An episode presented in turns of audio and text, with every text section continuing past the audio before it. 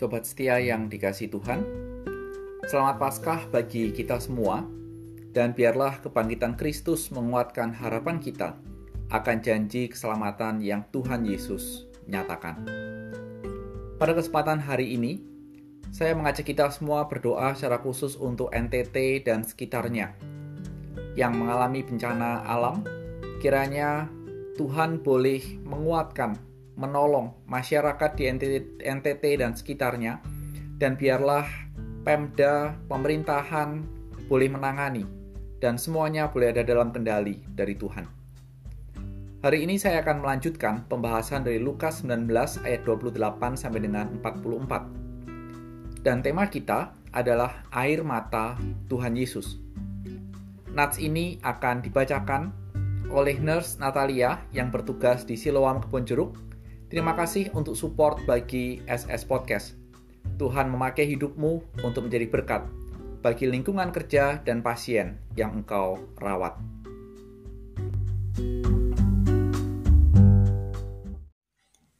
Lukas 19 ayat 28 sampai 44.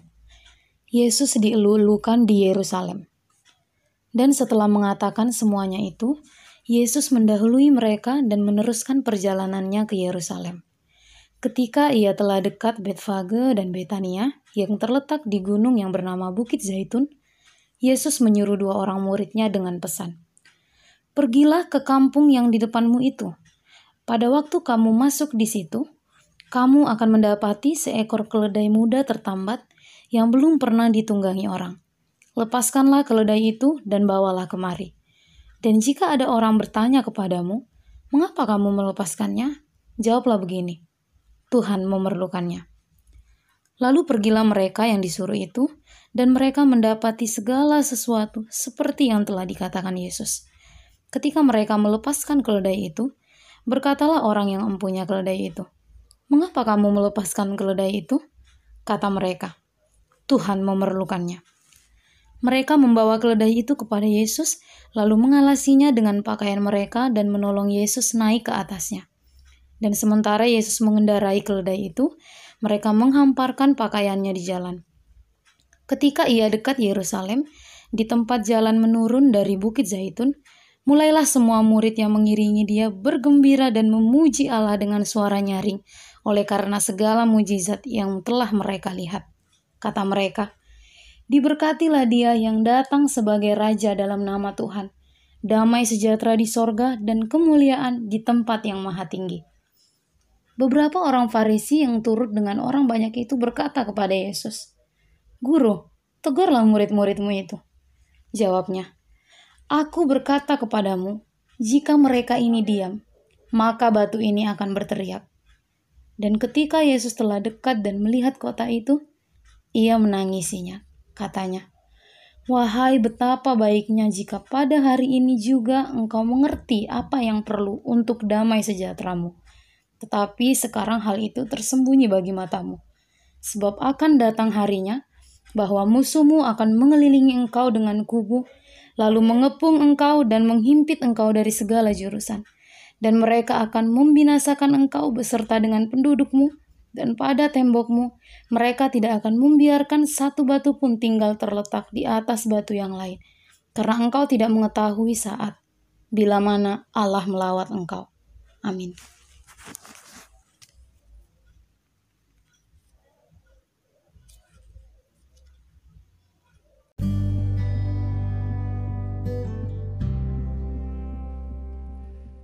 Mari kita berdoa. Tuhan Yesus bersyukur untuk peringatan Paskah yang menguatkan iman kami kepadamu. Hari ini biarlah firman Tuhan boleh menjadi alat di tangan Tuhan untuk mengingatkan hidup kami supaya berpadanan dengan kebenaranmu. Demi Kristus, amin. Sobat setia, hampir setiap manusia pernah menangis dalam hidupnya. Benar bukan? Dan kapan terakhir kita menangis dalam hidup ini dan apa sebabnya kita menangis? Dalam Injil Lukas, rangkaian tangisan juga telah terjadi, baik melalui pengajaran Tuhan Yesus yang mengajarkan bahwa yang sekarang ini menangis akan tertawa. dan juga perintah Tuhan kepada janda di Nain untuk tidak menangisi putranya yang meninggal, karena dia akan membangkitkan putranya itu. Dan ada juga perempuan yang membasahi kaki Tuhan Yesus dengan air matanya. Dan sekali lagi juga Tuhan mengatakan kepada Yairus untuk tidak menangisi putrinya yang telah meninggal. Nah, dalam cerita yang dilatar belakangi perjalanan Tuhan Yesus menuju Yerusalem, Tuhan Yesus memerintahkan murid-muridnya untuk mendapatkan keledai yang akan menjadi tunggangannya masuk ke dalam Yerusalem.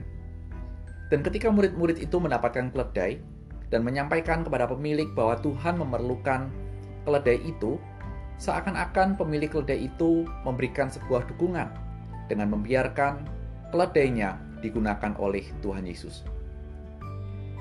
Setelah murid-murid membuat pelana di keledai dengan pakaian mereka dan menolong Tuhan Yesus naik ke atas keledai, perjalanan dari Betania menuju Yerusalem berlanjut.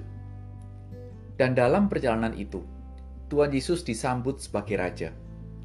Namun kalau kita perhatikan, sambutan itu adalah sambutan kepada raja yang mengendarai seekor keledai, bukan seekor kuda yang gagah perkasa. Hal ini memberikan satu hal yang kontras, yang menyolok.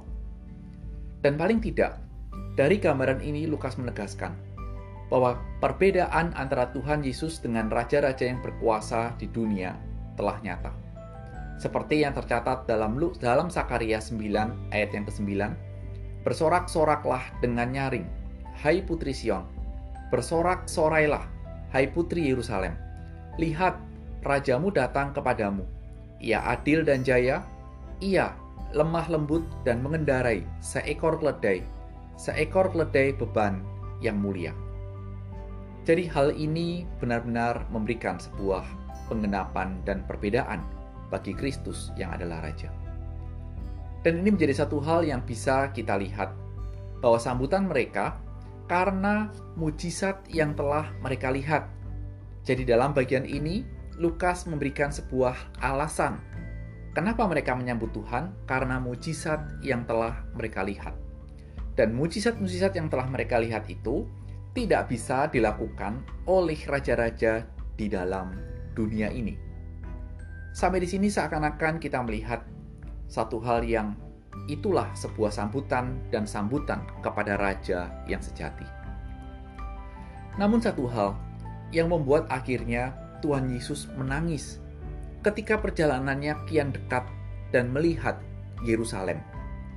Dan apabila kita bertanya, mengapa Tuhan Yesus menangisi Yerusalem? Karena ketika melihat Yerusalem, Tuhan Yesus mengatakan bahwa mereka tidak mengerti bahwa Allah telah melawat umatnya dan mengirim Tuhan Yesus yang telah melakukan berbagai mujizat dan pengajarannya serta menyatakan dirinya sebagai anak Allah adalah seorang Mesias. Itulah ketidakmengertian mereka dan itulah yang membuat Tuhan Yesus menangis. Sobat setia perhatikan, mereka melihat, mereka mendengar tapi tidak mengerti.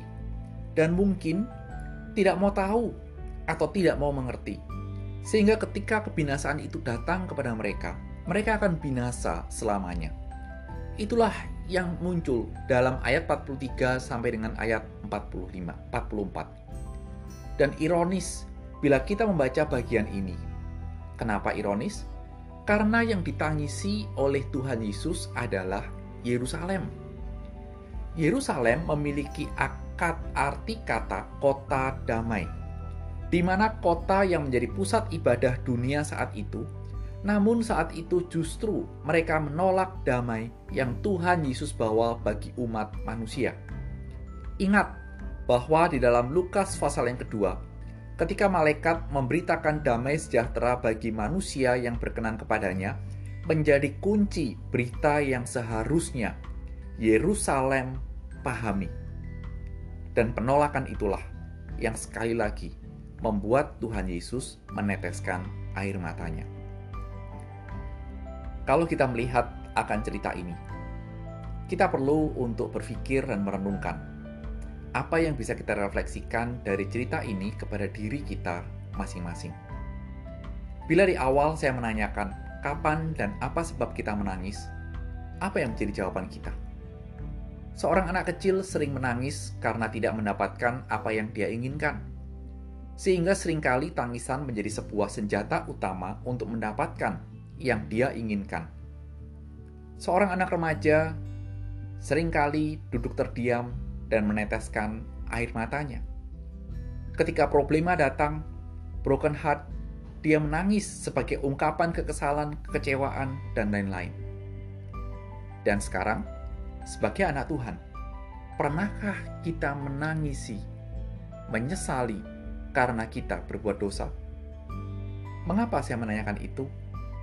Karena sering kali manusia berdosa, tertawa terbahak-bahak, ketika dari mulutnya keluar caci maki, sumpah serampah, dan ide mereka sering kali berhasil membuat sebuah kebohongan. Hal itu membuat mereka tertawa, entah bangga entah tertawa dalam arti yang lain, saya tidak tahu. Bahkan kebencian mereka yang menghasilkan hinaan kepada sesama juga membuat sebuah senyuman dan tawaan. Manusia berusaha bukannya menangis, menyesali kegagalan hidup untuk mereka hidup dalam damai dengan Allah, tapi justru mereka ketawa. Sobat setia, ingat bahwa untuk hidup merasakan damai dengan Allah adalah dengan menerima Kristus yang adalah anak Allah dan hidup meninggalkan dosa-dosa dan bukan berkubang dalam dosa. Dan pernahkah kita menangisi dosa-dosa kita? Sobat setia, kiranya Roh Kudus menolong kita untuk hidup dengan kepekaan terhadap dosa sehingga kita boleh memuliakan Tuhan dan bukan membuat Tuhan kembali menangis meneteskan air mata. Tuhan memberkati aktivitas kita semua. Amin.